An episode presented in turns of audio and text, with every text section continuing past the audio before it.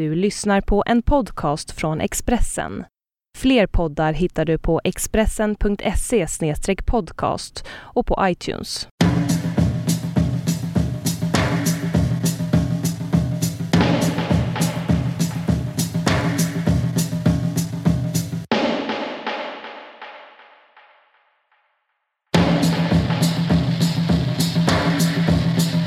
Nu är vi alltså här på eh, Fårö, på Bergmanveckan och eh, ska göra en inspelning av vår podd som heter En vargsaxen-podd.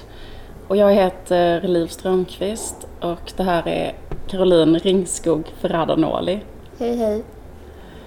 Um, och um, det känns rätt så speciellt för vi brukar liksom uh, alltid spela in vår podd, alltså det är bara du och jag Ja, som sitter och pratar med Ja, varandra. Och nu ja. är det liksom en helt annan situation för nu är det någon som, som nu är det en publik som ska sitta och lyssna. Hur Mm. tycker du det känns? Jo, alltså jag vet inte. Jag måste ju säga, för nu lyssnar de, att eh, det känns kul. Men eh, att, att eh, jag tycker bäst om kanske, som vi gjorde sist, att vi ligger i en säng och bara helt själva och kanske ligger och viskar. Och det är väldigt stor skillnad. Men eh, jag vet inte, det känns ändå rätt så kul. Men vi, just igår så var vi på den här middagen och så det är en sån invigningsmiddag för hela Bergmanveckan. Och då träffade vi Sigge och Alex, Podkings. Och de, eh, de var helt förstörda för att de tyckte det var så fruktansvärt att eh, liksom spela in en podd inför publik. De satt i Bergmans eh, egna gamla bio och det var bara 16-åriga mopedister som inte fattade någonting. Sigge pratade om sin farfar och hur, mycket, hur, hur känsligt det var. Liksom, hur alla känslor som kom upp för farfar kände Bergman och fick inget som helst gensvar. Och han mådde jättedåligt. Och eh, Alex Schulman visade upp hela sitt register av ångest för oss sen. Så, men, och det kanske låter hemskt, men det fick mig att känna mig rätt så på ett rätt pepp. Ja, okej. Att det liksom inte kan gå sämre. Nej, men så, liksom, om, om de som är så duktiga, om det är så för dem så, så kan det göra ingenting om det går dåligt för oss. Nej, Eh, precis. men, men vi vi har varit lite nervösa. Vad Ja, känner det du? var ett nervösa, alltså jag vet inte, jag, jag kan känna att det känns väldigt så här, hela liksom, eh, jag tycker liksom hela så här, ehm, hela poddkonceptet kan kännas ganska konstigt redan från början. Ja. Att så här, va, varför ska någon liksom lyssna när du och jag bara sitter och pratar med varandra? Och det känns liksom ännu konstigare när det är bara så här i en publik också. och igår så började vi tänka så här, bara, vad, vad ska vi säga i den här podden och bla bla. Och så har vi vissa olika teman och sånt. Och så var vi ute efter den här middagen på ett ställe som heter Kuten. Och då råkade vi träffa Christer Henriksson. Bland annat. Eh, bland annat, bland andra eh, en miljard andra människor i samma kategori. Men då blev jag så här, då blev jag så här, jag var så här uppstressad och lite full och bara hade mycket ångest inför podden. Och så tänkte jag så här, bara, men jag, vänta vi, jag, jag fick så här bra idé. Jag bara, men Christer Henriksson, du kanske kan vara med i podden. Du kanske kan, jag började prata med honom då. Du kanske kan komma in och, och berätta mig. Och du tyckte det var en jättebra idé. Och han tyckte det var en jättebra idé. Precis. Så vi var så här, eh, eh, Christer, eh, 12.45 imorgon, du måste komma till så här den här adressen. Och Christer var på. Ja, han var absolut. Vad kan jag lyssna på denna iPod? det var det, hans, hans, det var eh, exakt citat. Det är ett exakt citat. Han bara, den, denna iPod var... Vad får ta på den? Men det, det jag undrar nu, det är ju så här, kommer Christer komma? Alltså det är ju lite av kanske därför folk ska sitta kvar också. För det är liksom kanske hela den så dramaturgiska liksom, nerven. Kommer han komma in? Eh, det är ju spännande. Och hur, liksom, hur kommer det att bli? Kommer han vara nykter? Nej, det var Nej, men, ja, men det var ju... Ja, ja men det, det, det skulle bli spännande att se om Christer kommer. hoppas. Så vi, eh, vi hoppas på det. Ja, Du har ju liksom en eh, jättestark relation till Fårö och Bergman och så. För du var här förra året och bodde här en månad och fick Bergmanstipendiet. ja jag, jag fick det här... Jag fick bo i ett av hans hus. Jag tror det är samma som eh, Knusgård, alltså tydligen ska man säga Knusgård. Märkte du det på hennes samtal? Jag tror inte man ska säga Nej, knusgård. okej. Jag Nej men, men hon sa hela tiden knusgård. Ja, Ja. skitsamma. Men eh, eh, samma hus som han bor i. Eh, ja, jag var där en hel månad helt ensam och alltså det var jätte... Jag älskar få det, det var fantastiskt men det var också väldigt psykande. Jag satt och skrev på min andra roman som jag ska fortsätta skriva på nu. Men, eh, blev inte klar. Den blev inte, blev inte klar. Men jag skrev väldigt mycket för jag var så himla ensam och jag fick inte ha gäster. Eh, du kom och hälsade på mig en gång, Ja. jag myglade in dig. Ja. Jag misskötte mig eh, rätt så mycket. Jag är, nog, ja, jag är den enda gästen, jag fick ett brev. Jag blev, så kallad, jag blev typ stämd efteråt. Eh, och trots det hade Klerup varit där. Men eh, det är skitkonstigt. Eh, Du, Klerup fick ingen kritik efter att han har varit där och Nej. du fick kritik. jag fick kritik för att jag, eh, jag fick repressalier för att jag hade städat dåligt. Ja men jag kommer ihåg det, för jag var ju med dig sista dagen. Ja, och jag När du skulle dig städa. Ja men exakt, jag städade lite. men så kände, men grejen att det fanns så lite städgrejer. Ja. Kommer jag ihåg. Ja. Men så var det typ att du var så här: jag skiter i att moppa, vem moppar nu för tiden? Typ så var du. Exakt. Ja. Men det var väldigt... Och sen så var det så här, "Va- varför har du inte städat ordentligt? Precis, men det var väldigt eh, speciellt att vara där. Jag, jag bodde i han, en av hans fruar, hur må, ingen vet hur många han har haft, eller du kanske vet? Nej, Ja. vet inte. Många kan inte fru- räkna. Man- nej, så- vi har inte så många har inte så fingrar. många fingrar på. Eh, hur som helst så cyklade jag till hans, jag bodde i ett av hans fruars hus och så cyklade jag till hans jättedolda eh, liksom privata bostad varje dag och skrev. Och så satt jag i hans musikrum och skrev. Och jag var helt ensam i det där huset och det kändes som jag inte egentligen borde få vara där. Det känns, jag känner det fortfarande, ingen borde få vara där. Det var väldigt privat. Och jag, jag, bara liksom, ingen, jag hade ingen täckning på mobilen och jag liksom kom in i liksom en helt annan verklighet. Och jag, liksom, jag var nydumpad, om, man kan, om det finns ett ord. Som, och jag var liksom bara så här ledsen och nära min jätteflummiga text. Jag bara gick omkring där.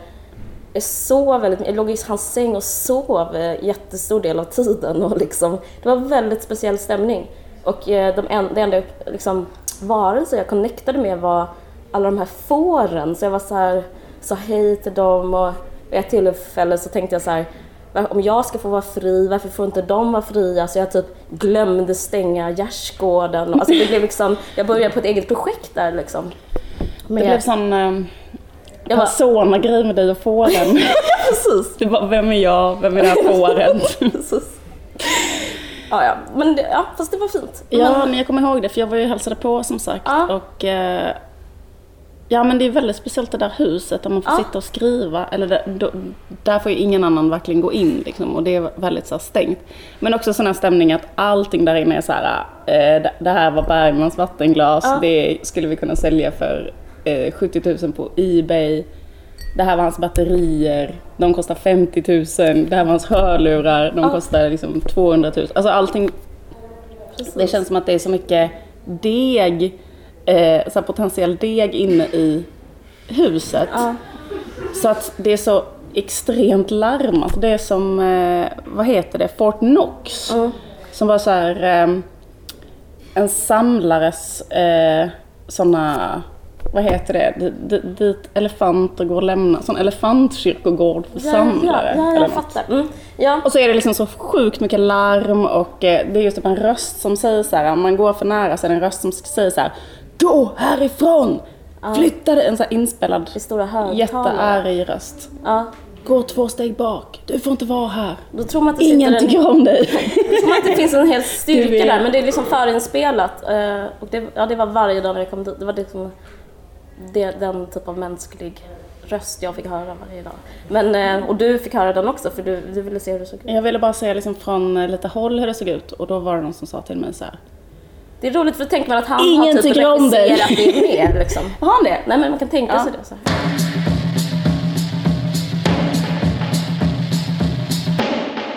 Nej men eh, vi har precis fått kolla på Knusgård. Ja. Men eh, varifrån har du fått det att man ska säga Knusgård? Eh, Jannike, vad heter hon? Hon sa Ja, hon som intervjuade honom Ja. sa det. Ja, kanske det är norska. Jag vet inte, men eh, jag har också hört att man ska säga knävsgård. jag vet inte. Men jag har alltid sagt knausgård eller knausi. Va, eh, hur, hur, Knaus. Vad, tyck, vad tyckte du? Jo, det är faktiskt rätt så kul tycker jag när man är där för att det är som att en grej med Knausgård är liksom att han är så himla snygg, eller att han har så himla mycket star quality som Ja. människa. Och typ, för jag kommer ihåg att jag var på en sån eh, författargrej eh, grej innan han hade gett ut alla de här grej, grejerna i Sverige och innan han alls var känd i Sverige. Han, han skulle precis ge ut den första och var bara på sån läsning. Innan han var liksom en superstar. Och då var jag med också på den läsningen. Och det första man tänker, alltså man har inte någon aning om vem han är eller vad han har skrivit eller någonting. Det första man tänker på med honom är att han är så jävla snygg. Och jag tror typ att alla tänker på det. Och på något sätt så blir det så här en konstig del i allt detta. För att det är väldigt många så det känns som att det går ett sånt sus genom publiken och alla sa det också bakom oss. Det är väldigt mycket så här äldre kvinnor och alla säger så här, vad snygg är, vad snygg är, vad snygg är. Det är som eh, kulturtanternas Justin Bieber. Ja, lite. verkligen. verkligen. Eh, var ni där? Förlåt att jag interagerar med publi- publiken. Men okej, eh, ni behöver inte svara. Men grejen var, jag kände som att det var att vi alla var på dejt med honom. Att alla var så här, tycker du? Typ. Så stämningen var i publiken om man, om man vände sig. eh, all, det var så himla mycket, det var kvinnor och alla bara, ja, det var många som liksom svarade på hans vet. svar. Ja, jo. Nej men så är det ju, alltså de fyllde i. Linda och Linda, jag vet inte, men Ja, det var väldigt mycket så här att eh, man kände liksom eh, han talar till mig. Ja, Eh, det var som att folk svarade lite Ja. grann så här smått själva när han sa något och bara ja men det håller jag med om, eller så är det ju absolut. ja, eller? Jo, i och för sig. Nej men alltså, och väldigt mycket så här att de var på tänkte hans också på Ja, det. ja visst. Mm. Det var ju en publik som var helt liksom förtrollad. Ja, alla där inne var kära i honom Ja. känns det som. Och, Eller kändes- nästan, och nästan, eller jo men jag fick en sån känsla och, och nästan inklusive jag själv. Ja. För att jag ställde ju en fråga eh, Ja. på ren trots för det var, så, det var, det var bara medelålders kvinnor där. Ja. Men ändå så när det blev frågestund så var det bara män som Ja, såklart räckte upp handen som en sån studie hur ett klassrum är.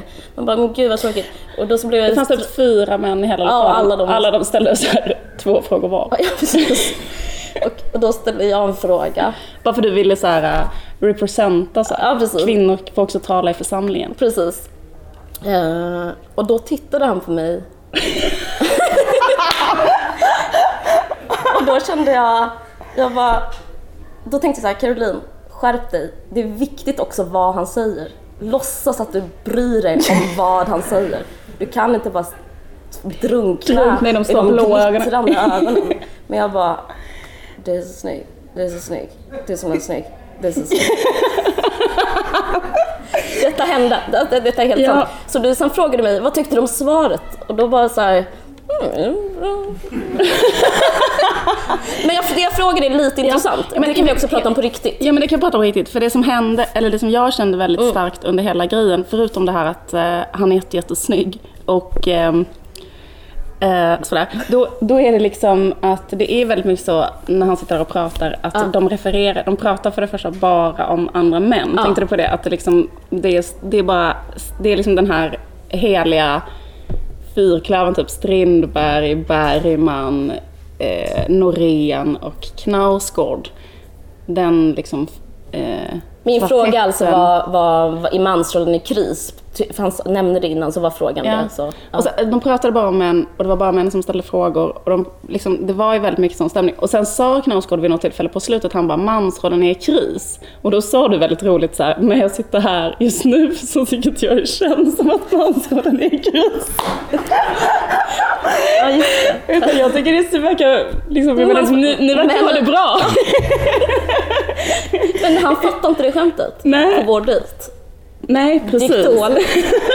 ja, ja, men, ehm, Du försökte vara den här lite så här eh, härligt eh, säga emot på en Ja. dejt för att bli lite mer intressant. Precis, precis. Eh, han, han bet inte, eller tog inte det betet. Men eh, ja, precis. Ja men för han menar ju då att, att, eh, att mansrollen är i kris eller att den är i förändring så här. Och att hans andra bok eh, speglar det väldigt mycket. Eh, den här som handlar om när han träffar Linda och så. Ja, han, ja precis. Men alltså han, jag vet inte. Jag skulle önska att han skulle liksom ha förklarat lite mer vad han menar att den krisen består i. Mm. Vad jag förstod det som så är det som att eh, hela min kamp handlar om två saker. Eh, identi- liksom, eller en sak, identitet, vem man är. Och sig. ja, precis. Och att äta Och att, ett Snickers. att äta snick. Ja, det sa han inte. Men, men eh, eh, ja.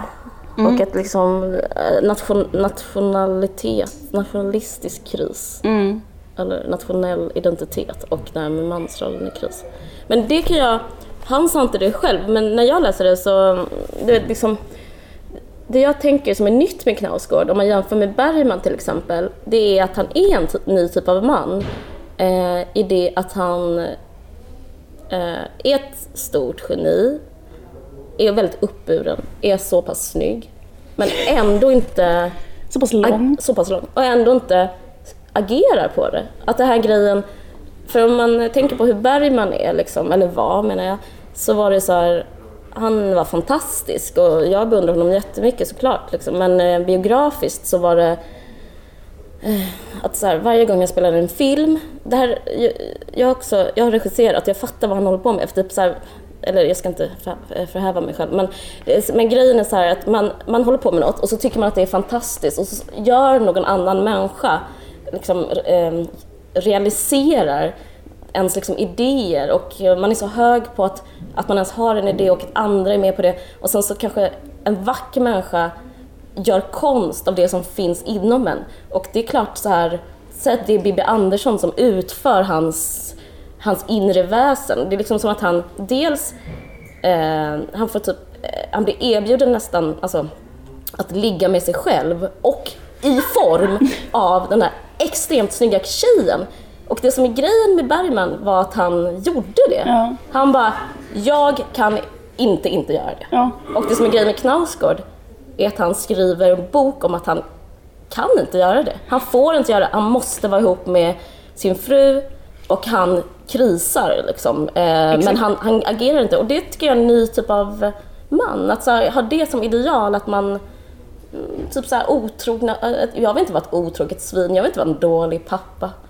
Eh, känner du igen lite vad jag pratar om? Absolut, men jag vet inte. Alltså det hade varit...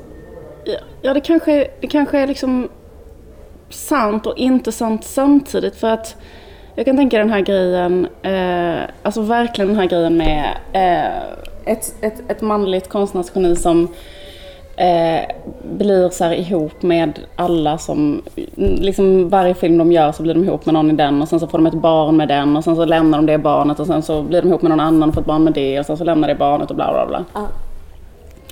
Um, alltså jag vet inte, jag tror, jag tror liksom att anledningen till att typ Knausgård inte gör det är ju för att jag, jag känner att alltså hela hans bok handlar ju om att hans pappa var liksom en dålig eh, förälder eh, på något sätt.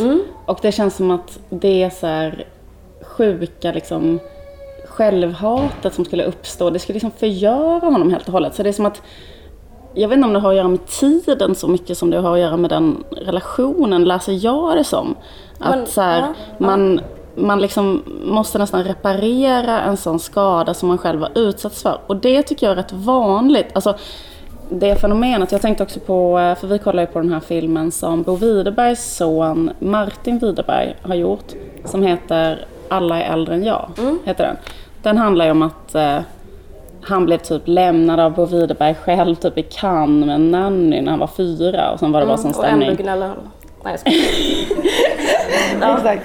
Eh, och liksom så känner han så här, ehm, va, eh, nej men liksom att, att, att, eh, att han kände sig som typ olyckligt kär i sin pappa hela livet. Hans pappa gav honom aldrig liksom så här, det var aldrig tillräckligt kul.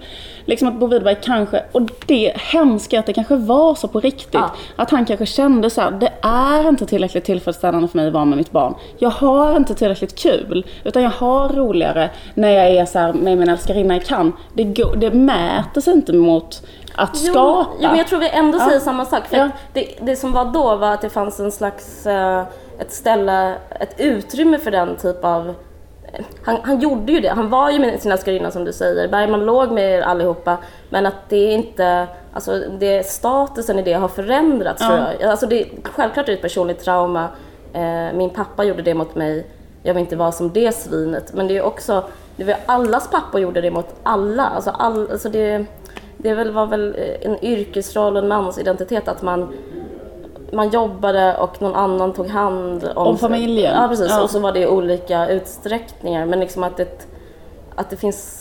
Jag tycker att idealet ser annorlunda ut. Alltså det ser man ju bara typ om man går på Söder som Knausgård pratar om. Mm. Det här att pusha en barnvagn framåt.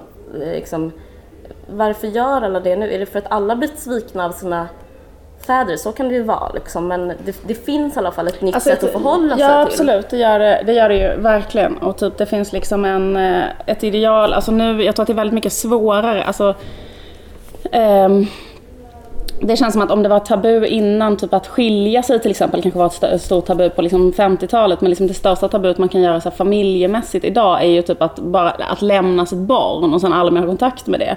Eh, typ att bara dra och eh, träffa det så här en gång om året. Men det var ju lugnt att göra. Nästan, nästan i vår generation var ju det lugnt. Eller förstår du vad jag menar? Typ när vi var små att det var så här Alltså när folk skilde sig, att folk inte hade varannan vecka och så, utan då var det ju mer så att de träffade sin pappa kanske en gång varannan helg eller så var ju det.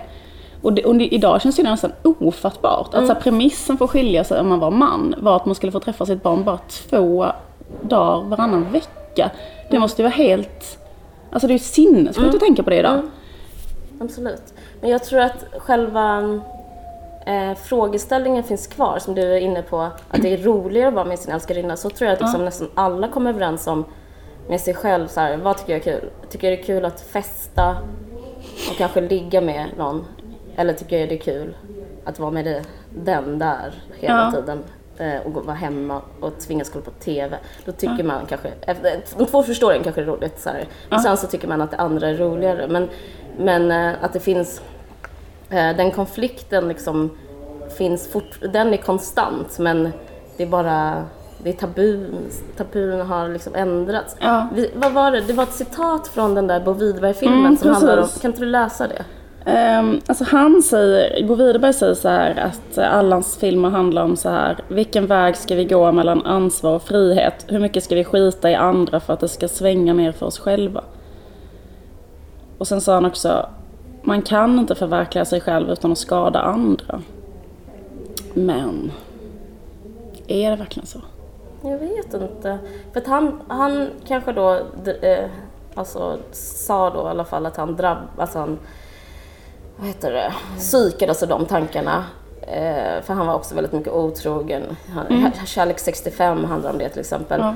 Men han valde ju då att agera på det så att han bara, nej, han kom väl fram till då, jag kan, jag måste skada andra eh, för att mitt, min person är så Ja, stor. min frihet. Min frihet. Jag måste, om, jag, om jag hämmar mig själv så, alltså, jag tror att det, liksom, det finns en rela- det är intressant med just konstnärer och moral liksom. För det, jag, jag vet inte om det har ändrats men jag upplever då med Bergman och med honom att liksom, och även Lars Orén om ni har läst hans dagböcker, alltså att det är så här eh, det är fel det här, men jag måste göra det. Och det där måste är så himla flummigt. Jag känner också att det har att göra med eh, den gamla skolans psykologi. Så här, med så här, eh, om man går i terapi och psykodynamisk eh, terapi, då är det sådär vad, vad vill ditt inre väsen? Och eh, låt oss eh, hitta det och ta hand om det.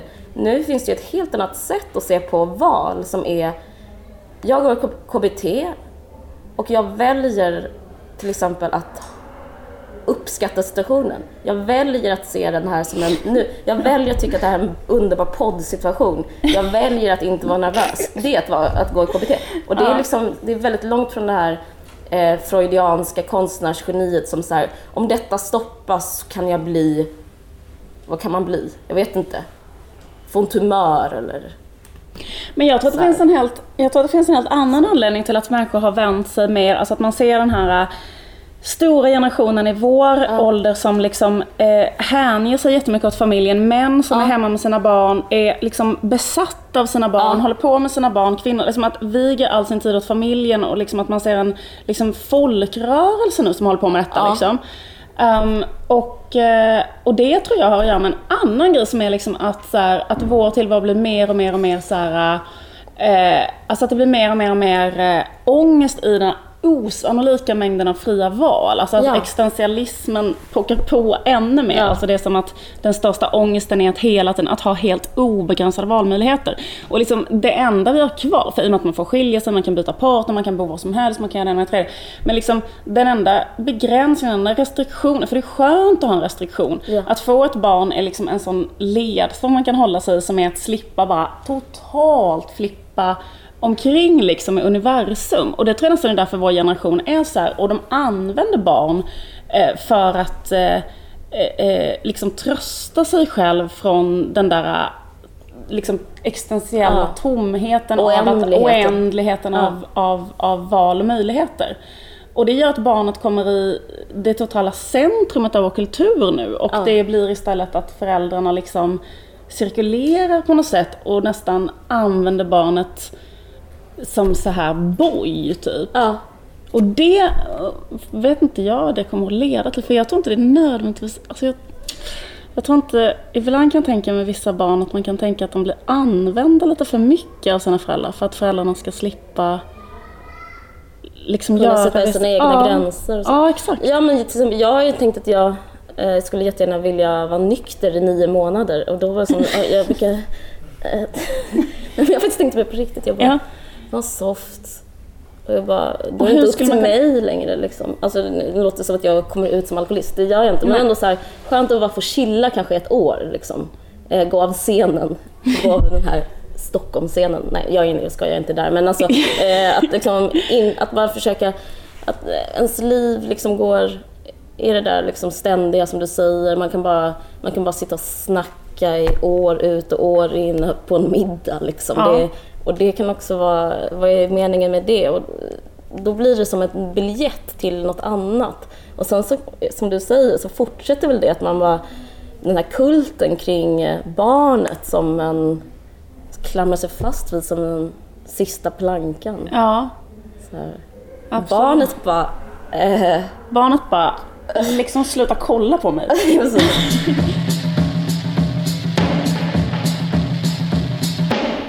när Ingmar Bergman var barn, Mm. då blev ju han totalt mot, fick motsatt behandling. Ja. Han var inte i centrum. Han blev så här, när han fick eh, uppmärksamhet så var det i form av otroligt sträng auktoritet. Eh, så det kanske också är, allting kanske är den här växelrörelsen. Om han inte får den här uppmärksamheten så får man ett bekräftelsebehov som är jag kan inte säga nej till Vibbe Andersson, Harriet Andersson, Annie Andersson, liksom någon, någonsin liksom. Men att sen så kanske det, ju mer uppmärksamhet man får, liksom, desto min, därför kanske mansrollen nu är lite chillare med att ligga med alla. Och sen så, hur kommer de här nya barnen bli? Kommer de, vara liksom, kommer de bara vara ihop med samma person hela livet och vara tillfreds? Alltså, Alltså om- man är, blir så trygg. Man måste ju ändå bli rätt så trygg om någon hela tiden ger en... ja men kommer de inte bli som de här, äh, kommer det inte bli som en ny, alltså så här 40-talistgeneration som är såhär, jag förtjänar allt. Ja, Varför är inte du min slav? Varför har du inte hämtat det här åt mig? Alltså att de, har, att de liksom förväntar sig på något sätt att världen är skyldig dem massa saker. Och, eller så. Nej, det be- så behöver det inte alls bli. Jag vet inte alls hur det kommer bli. vi vet faktiskt inte. Jag tror det är bra, jag tror det är svinbra den här grejen att, att de är med sina pappor. Mm. Um, kontroversiella åsikt. ja. Okej. Ehm, Ja, men ja, Gloria Steinem har ju sagt så här att, ehm, eller ehm, jag skrev av det här citatet för det handlar om äktenskap. Så skriver hon så här, vi ska inte bry oss så mycket om äktenskapet, de kommer och går. Men om man avser att skaffa barn så ska man upprätta kontrakt angående barnen. Att det nya äktenskapet ska gälla barnen och att parterna inte lovar varandra evig trohet utan att de lovar liksom evig trohet till barnen. Mm. Det är ju en grej för att förhindra den här Bo Widerberg situationen liksom att eh, man bara skaffar barn och sen lämnar dem och så blir de barnen jätteledsna och måste göra en film om det och sådär. Mm, ja. Eh, för liksom om han hade istället för att gifta sig med den där frun så hade han kunnat bara bestämma med barnet så här. Tills döden skiljer oss åt ska jag eh, finnas där för dig. mm, Det tycker jag är ett så bra förslag. mm. Men man undrar ju då om man skulle kunna skilja sig också, barn och förälder. Alltså om man skulle kunna få välja som barn så här. Nu vill jag att vi ska gå skilda vägar för att liksom jag är trött på dig typ. Ja, jag vet inte. Jag upplever att det finns någonting annat också. Jag upplever att det finns... Man lever i liksom en sån osäker tid på något sätt. Fast som du, jag håller med om att vi lever så här i, i, i oändliga valmöjligheter. Men samtidigt tycker jag, jag att jag, jag tycker att tiden är osäker och lite svår. Och liksom, bara det att Sverigedemokraterna finns. Ja, Jag vet inte, men Ja, det liksom, man lever Ja. som en slags flummig tid. Så att jag känner eh, också en eh, konflikt i att vara, eh, som jag upplever att, att om vi nu ska prata om Knausgård igen, att man är liksom, om man inte har ett fast jobb och man är en slags skapande människa som typ jag skriver och håller på med så drama och sånt där och ingenting är, ingenting är fast liksom. Eh, det jag har att romantisera det är ju definitivt inte att eh, liksom kedjeröka med en basker eller eh, liksom, eh, leva ett sluskliv i Gamla stan eller något sånt där. Liksom, jag vet inte ens om det skulle erbjudas nu för tiden. Men alltså, jag, jag är snarare väldigt jag är så paniskt rädd för droger och allting som är flummigt. Liksom. Ja precis, du skulle inte åka till så här bohemkvarteren i Paris och flippa. Nej, det, är typ, det, det skulle ge mig akut ångest. Ja. Liksom. Så att min önskan i den här världen där allt är fritt är liksom att försöka bli... Alltså min romantisering eh, det finns bara ett objekt för den och det är liksom att vara normal. Det är liksom att få så här, om jag eh, liksom får drömma fritt, släppa mina drömmar loss, så är det typ att ha ett radhus och bo, bo med liksom eh, någon... Ha ett fast jobb? Typ. Ja, ja, nej fast inte det. Liksom. Alltså, all, men allting som så verkar som jag har det. Som mm. att, liksom, att ha en ordnad tillvaro, det kan jag drömma väldigt mycket om. Och det känner jag så här, eh, jag tror att Knausgårds så här, han, eh, han drömmer om normal, normalitet liksom, också hela tiden och kanske därför att han, men han är inte normal och kanske därför han måste skriva de här böckerna där allting är så här, för då, är, då är, för det, det får finnas allting som är kaosigt, men det kan finnas i konsten. Men, så här, men det är liksom en ehm, vad ska man säga, det, det föder varandra. Att han kan skriva allt det här, liksom, allt det han har inom sig, allt om hans pappa, allt det om att han känner sig ehm, som en 1800-talsman och allt det där, att han, att han känner sig omanlig, att han, vill, att han skär sig i ansiktet och har alla impulser. Att alla impulser stannar i konsten och sen så, så kan han samtidigt sträva åt liksom, total svennighet. Det, det, det känner jag också är typ en del av den så nya tiden. För ja. ja. Men, ja. Jag fattar vad du menar. För ja. att om Kna det, känns liksom det känns omöjligt att tänka sig att Knausgård under tiden de här böckerna. Eh, togs, liksom, gavs ut, att han skulle just så här, gå omkring med en basker och liksom vara full hela tiden i Stockholm och ligga mm. med så här 4500 personer och, ja, alltså, och få barn och olika människor. Mm. Men han hade ju verkligen kunnat göra det, det är det jag menar. Men att ha den eh, livsstilen och, eller det ska, det, det liksom, det ska nästan, liksom det, det ja, men det, men det tycker jag är intressant för då liksom, jag tror det är därför hans böcker är så bra för då, då skildrar han någon, då blir det liksom per automatik inte klichéartat för det, det där är ju det klichéartade för en eh, skapande människa men det, här, men det nya är normaliteten för en skapande människa. Jag tror liksom en del av hans succé.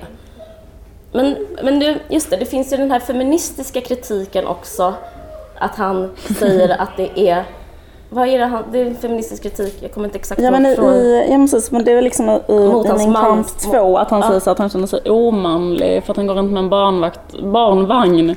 Ja, vad känner att, du om det? Eh, nej, nej men jag vet inte, jag tycker att det är, eller jag känner igen mig i det eh, rätt så mycket, hela den där skildringen, alltså när man får barn, från att inte ha haft barn till att få barn. Alltså jag kunde också känna så att det finns en rasande 1800-talsman inne i mig som var så här, det är sjukt att jag ska behöva göra de här grejerna. liksom, det är helt orimligt att jag ska behöva gå upp klockan fem på morgonen. Och liksom, alltså det, är o, det är helt orimligt, liksom, de kraven som läggs på mig nu. Och det måste vara någon annan som ska göra det här. Eller hur kan det vara meningen att jag ska göra allt det här? Liksom? Eh, så jag, inte, jag tycker att det är en ganska bra beskrivning. Jag tror inte den beskrivningen handlar om egentligen, eller jag tycker det är synd att man lägger en genusdimension på det, för jag tänker snarare att det handlar om alltså skiftet eh, som man måste göra när man får ett barn som är att från att vara fri till att aldrig mer vara fri i hela sitt liv. Alltså eh, på något sätt. Och det gäller alla liksom? Ja absolut, mm. alltså att man har gett upp sitt fria val och eh, satt sig själv i en sån förbindelse med en annan människa där man... Eh, och det är ju en eh, liksom eh, ganska sjuk upptäckt, eller så här, om man inte har tänkt på det, det är svårt att föreställa sig det innan. Men att man har ett ansvar som är så oändligt och livslångt och ehm, det, är, ja, det är som att liksom men den insikten är kränkande. en... eh, Kan vara. Alltså det det är ju... En del av den kanske är kränkande men sen är den förbunden med så mycket andra känslor så det kanske inte är den känslan som man tänker på först för att man är så eh, uppfylld av typ lycka och kärlek och så till sitt barn. Eller jag var det i alla fall, det är inte alla som är det heller. Men det känns ju som att gå från att leva i en demokrati till att leva i en diktatur helt plötsligt. Som att flytta till ett sånt auktoritärt land där man liksom inte får... Alltså så här, det blir ju så här hela ens liv från att man gå ut fritt, göra vad man vill, gå upp, gå och sova på nätterna, gå upp och äta när man är hungrig. Så det är så här, du kan inte äta nu, du kan inte gå upp nu, du kan inte sova nu, du kan inte... Alltså allt, hela ens Ja. liv blir ju så. Ja, Ehm, och det där med att gå runt med en barnvagn, för det kan jag känna igen också, att jag också in, inte heller ville gå omkring med en barnvagn. Nej. Alltså, att, det bara, att man känner sig så osoft i den rollen. ja. Ehm, det känns så konstigt omkring med en barnvagn. Om man aldrig gjort det innan. Var det typ så att du liksom eh, släppte den om det kom någon? Men grejen är att jag har också kompisar som var så här, eh, inte ville till exempel hjälpa mig att putta barnvagnen för de tyckte också det kändes så, så pass konstigt att gå med en barnvagn. Typ som en cockblocker? Ja, eller en, eh, alltså tjejer som inte vill göra det för att man känner sig så himla... Alltså men det handlar om en annan sak. Det handlar om att man känner att det ramlar ner liksom ett ton av sjuk kvinnohistoria på en som gör att man blir helt mosad i en sån konstig kvinnomamma situation som man kanske inte alls liksom känner sig bekväm i så. Eller om man speciellt om man jag vet inte. Sen är det olika hur man är, för vissa kvinnor kanske har väldigt lätt för... Men jag tänkte det när han sa, eller när Knausgård pratade om det, att mansrollen var i kris. Då tänkte jag så här, fan men kvinnorollen har, är, är ju, har ju alltid varit i kris. Alltså den situationen han beskriver, och innan mansrollen var i kris, då var det harmoni. Men det, en, alltså det känns ju som att, jag bara tänker på så här, hur det har varit generationer bakåt. Liksom hur det har varit att vara en kvinna. Vilken konstant så här, krissituation på något sätt.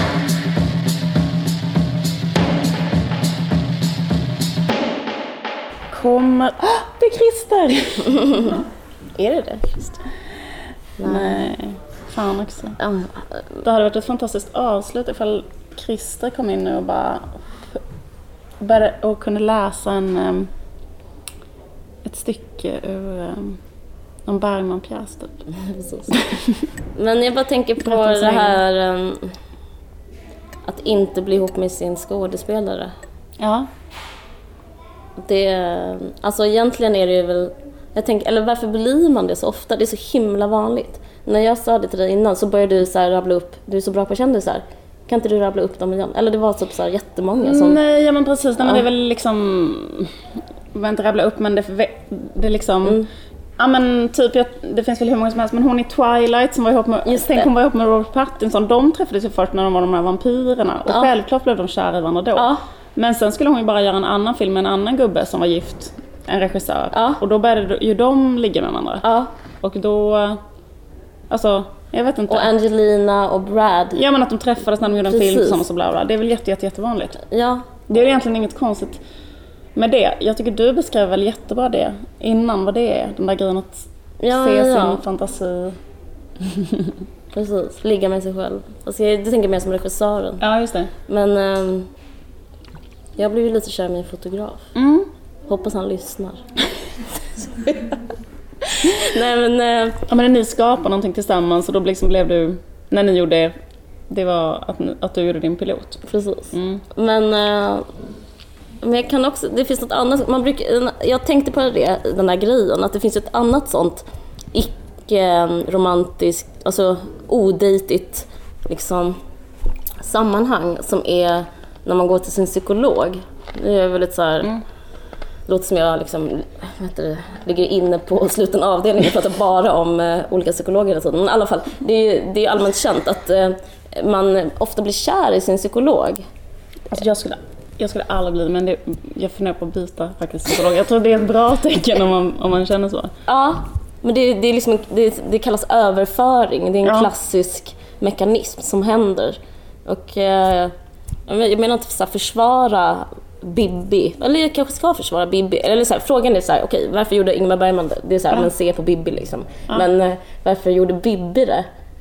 Det kanske är typ den grejen, så här, att få den, eh, liksom någon leder den så himla mycket. Att det kan vara man överför någonting. Ja. Jag vet inte. Jag vet inte I den här heller. Lena Nyman-boken så snackar hon ju också om det, att hon alltid blir kär i regissören. Jag har inte något jätte... Men sen tror jag också bara att det är en sån grej att liksom man, om man, är på, mm, man bara är med varandra och är på samma plats. Att det Ja. gör att, alltså det är ju den vanligaste stället att träffa någon överhuvudtaget, är på ens jobb. Som jag med fåren. Ja men exakt, du var där jättelänge med fåren, du blev liksom, hade du varit där lite längre så hade du liksom börjat tänka. lite nu. Ja, eh, nej men att, eh, jag menar ehm, Ja, det är typ det att man bara är bredvid någon jättelänge så, så bara, och i och med att, eh, ja.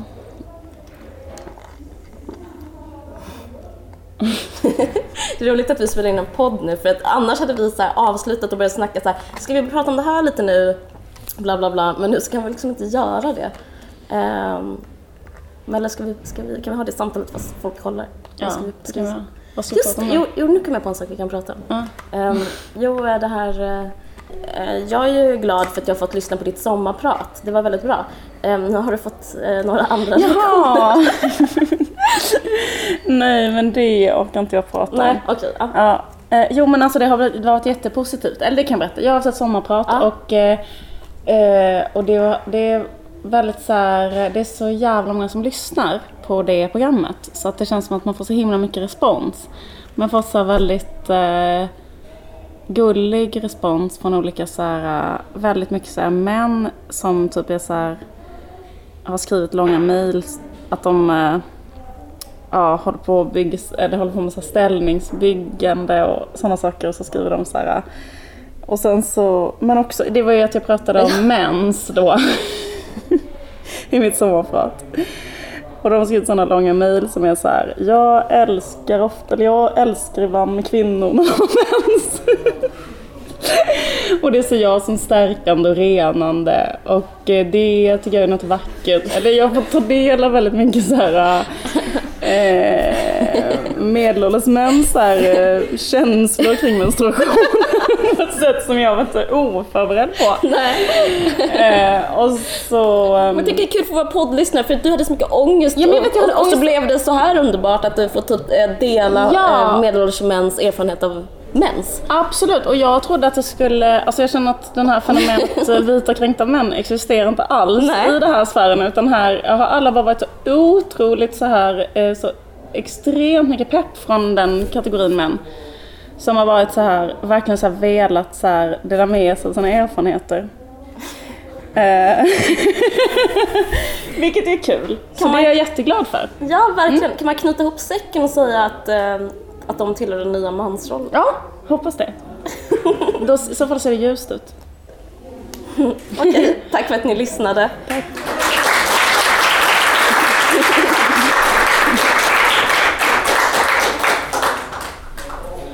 Ni har lyssnat på En varg söker sin podd och eh, det, eh, programmet görs av mig som heter Liv Strömqvist och Caroline Radio Norli i samarbete med Expressen Kultur och man kan lyssna på iTunes. Och musiken gjordes av Vitpass.